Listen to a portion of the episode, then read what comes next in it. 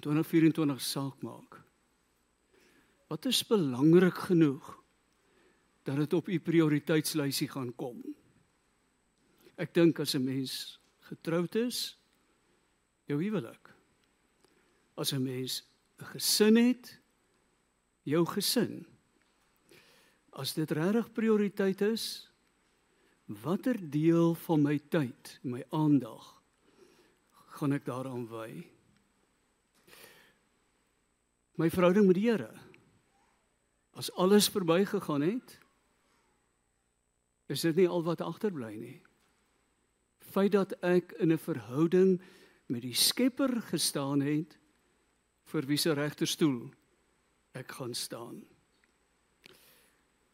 Sou ooit siek gewees. Dis mos asof 'n mens sieker is in die donkerste deel van die nag, nie waar nie? Al ooit gewag dat die son opkom, wag gestaan dalk in die weermag. Ek weet nie of daar nog so iets is nie, maar ons het wag gestaan in die voortrekker se dae. Verdwaal in die veld. Mens kan nie wag dat die son sy kop uitsteek nie. Ek het as 'n tiener baie vis gevang en baie in die nag vis gevang nie. En dis ook die koudste deel. Hierso so net voor die son opkom. En dis die mooiste wat jy kan sien as die son op, son opkom.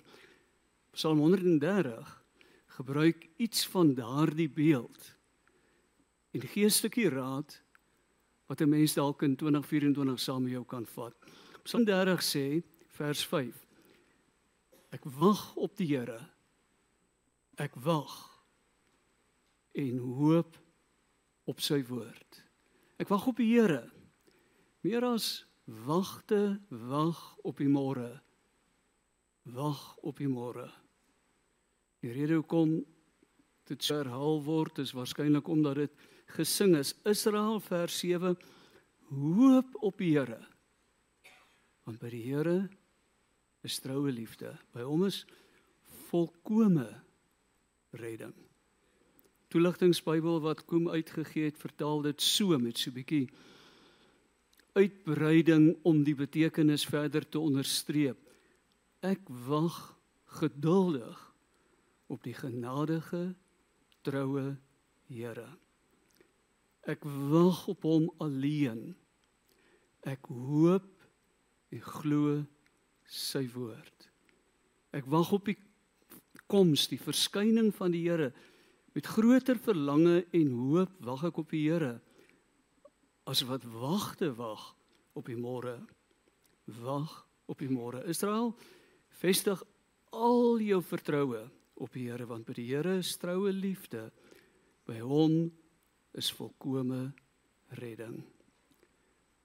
As 'n mens se verhouding met die Here werklik vir jou saak maak belangrik is dan wil jy hom soek soos iemand wat smag dat die son opkom. En ek kan beswaarlik aan 'n beter beeld dink as die son wat opkom want God word as lig voorgestel wat in ons harte skyn en deur die lig van die heerlikheid van God wat van die gesig van Jesus af na ons reflekteer het ons die voorreg wanneer ons by hom was om iets van sy liefde, sy genade, sy vergifnis ook aan ander mense deur te gee.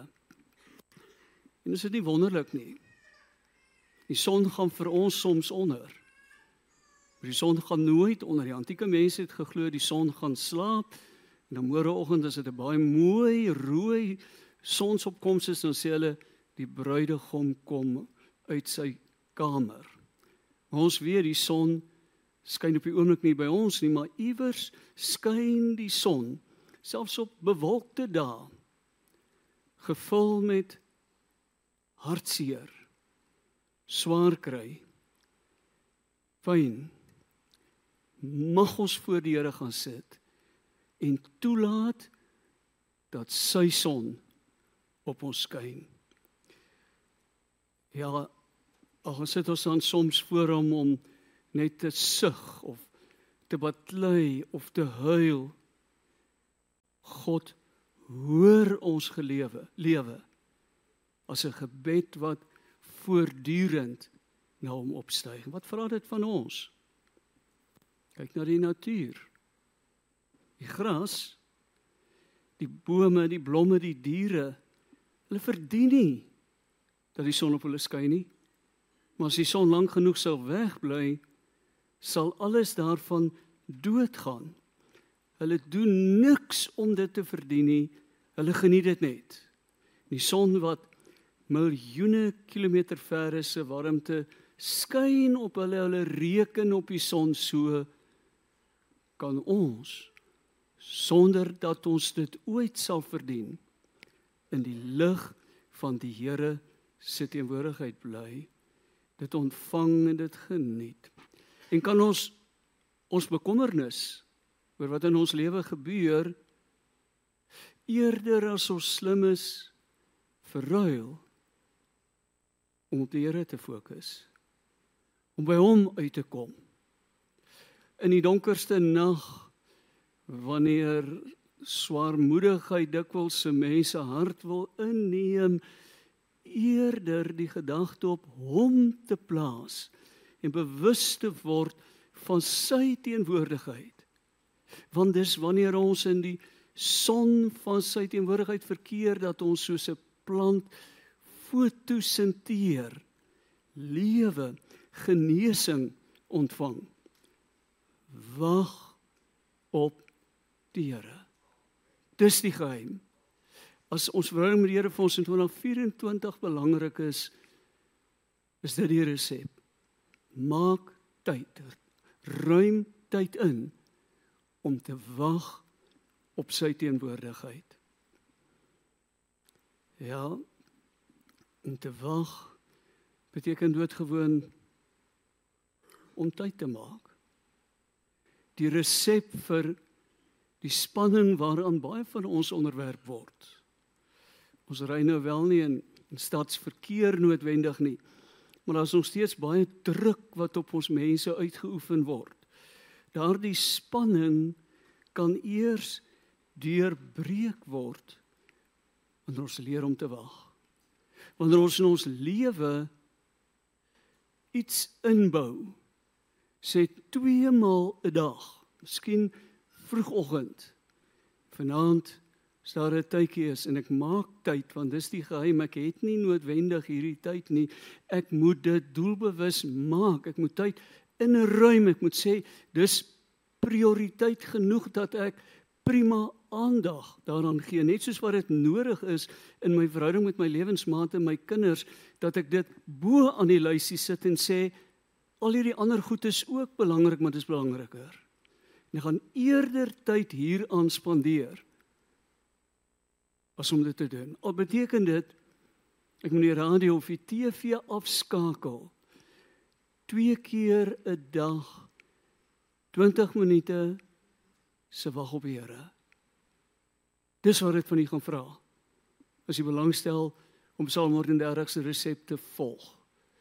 Om op die plek te kom waar 'n mens elke dag stil word, sy woord oopmaak, nie maar net vinnig lees om inligting te probeer inwin nie maar om te luister wil die Here wat wil die Here vandag met my deel en lank genoeg te luister en my lewe voor hom te bring en en dit wat normaalweg die spanning en die bekommernis veroorsaak voor hom te bring dat ek ook kan hoor wat hy daaroor sê.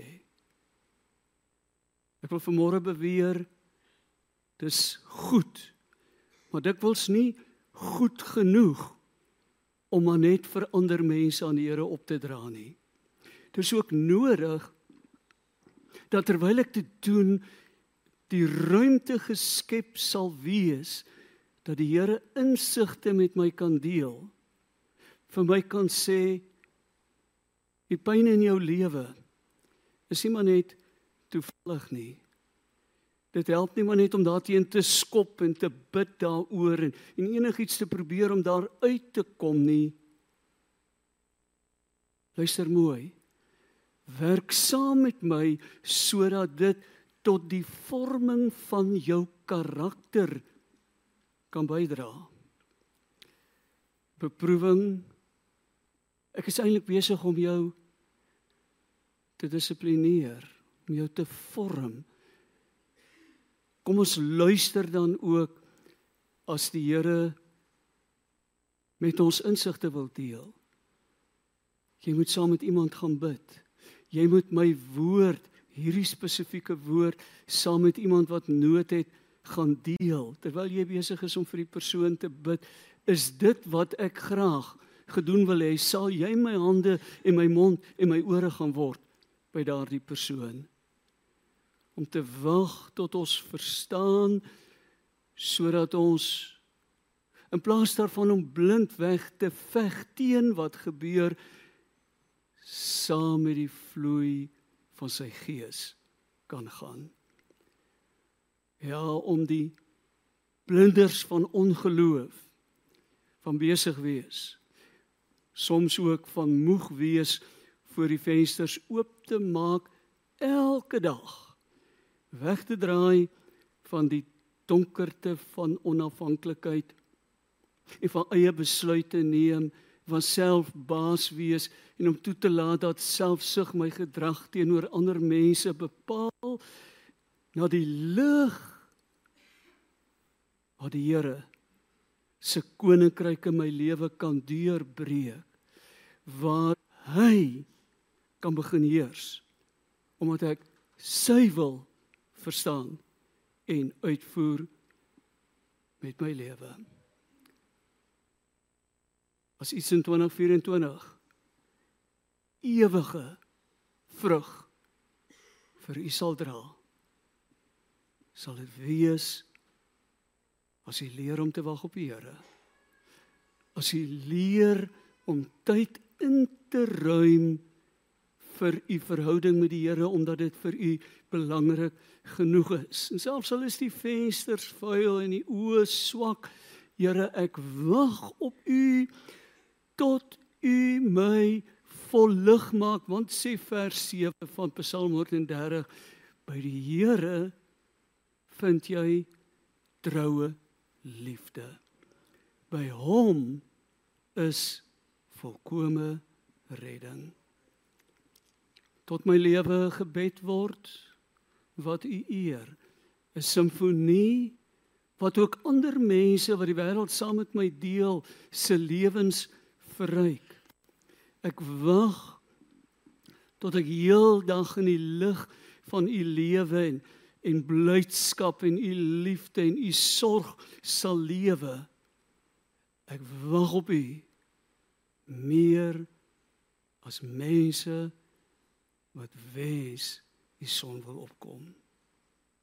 Ek sluit af. Die wonderlike is Soms kom die son nie in 'n mens se lewe op nie. Die moeilikheid neem toe. Maar as jy geleer het om op die Here te wag, breek die sonskyn van sy liefde en sy wysheid deur. Kom ons word 'n oomblik stil. Stink aan die nuwe jaar wat voorlê. Miskien is dit 'n goeie tyd en plek om vir jouself te vra wat is die prioriteite van my lewe? Wat wil ek graag bereik? Wat is die moeite werd om die beste van my aandag en tyd aan te wy? Here my huismense, familie, vriende, hulle is vir ons belangrik. Hulle dra by om ons lewe kleurvol en en betekenisvol te maak. Maar ons verhouding met U is dit nie meer beslissend nie. Want as ons leer om op U te wag, leer om toe te laat dat ons lewe soos 'n oop boek voor U lê, kan ons lewe waarskynlik baie meer kleur en betekenis in hierdie mense se lewens indra. Moet ons iets van u lig ook na hulle sal reflekteer. Ons antwoord vanmôre op u stem. Elkeen van ons op 'n eie persoonlike manier. En gee vir ons die genade om dit wat ons prioriteit is ook die prima van ons aandag en tyd aan te wy. Amen.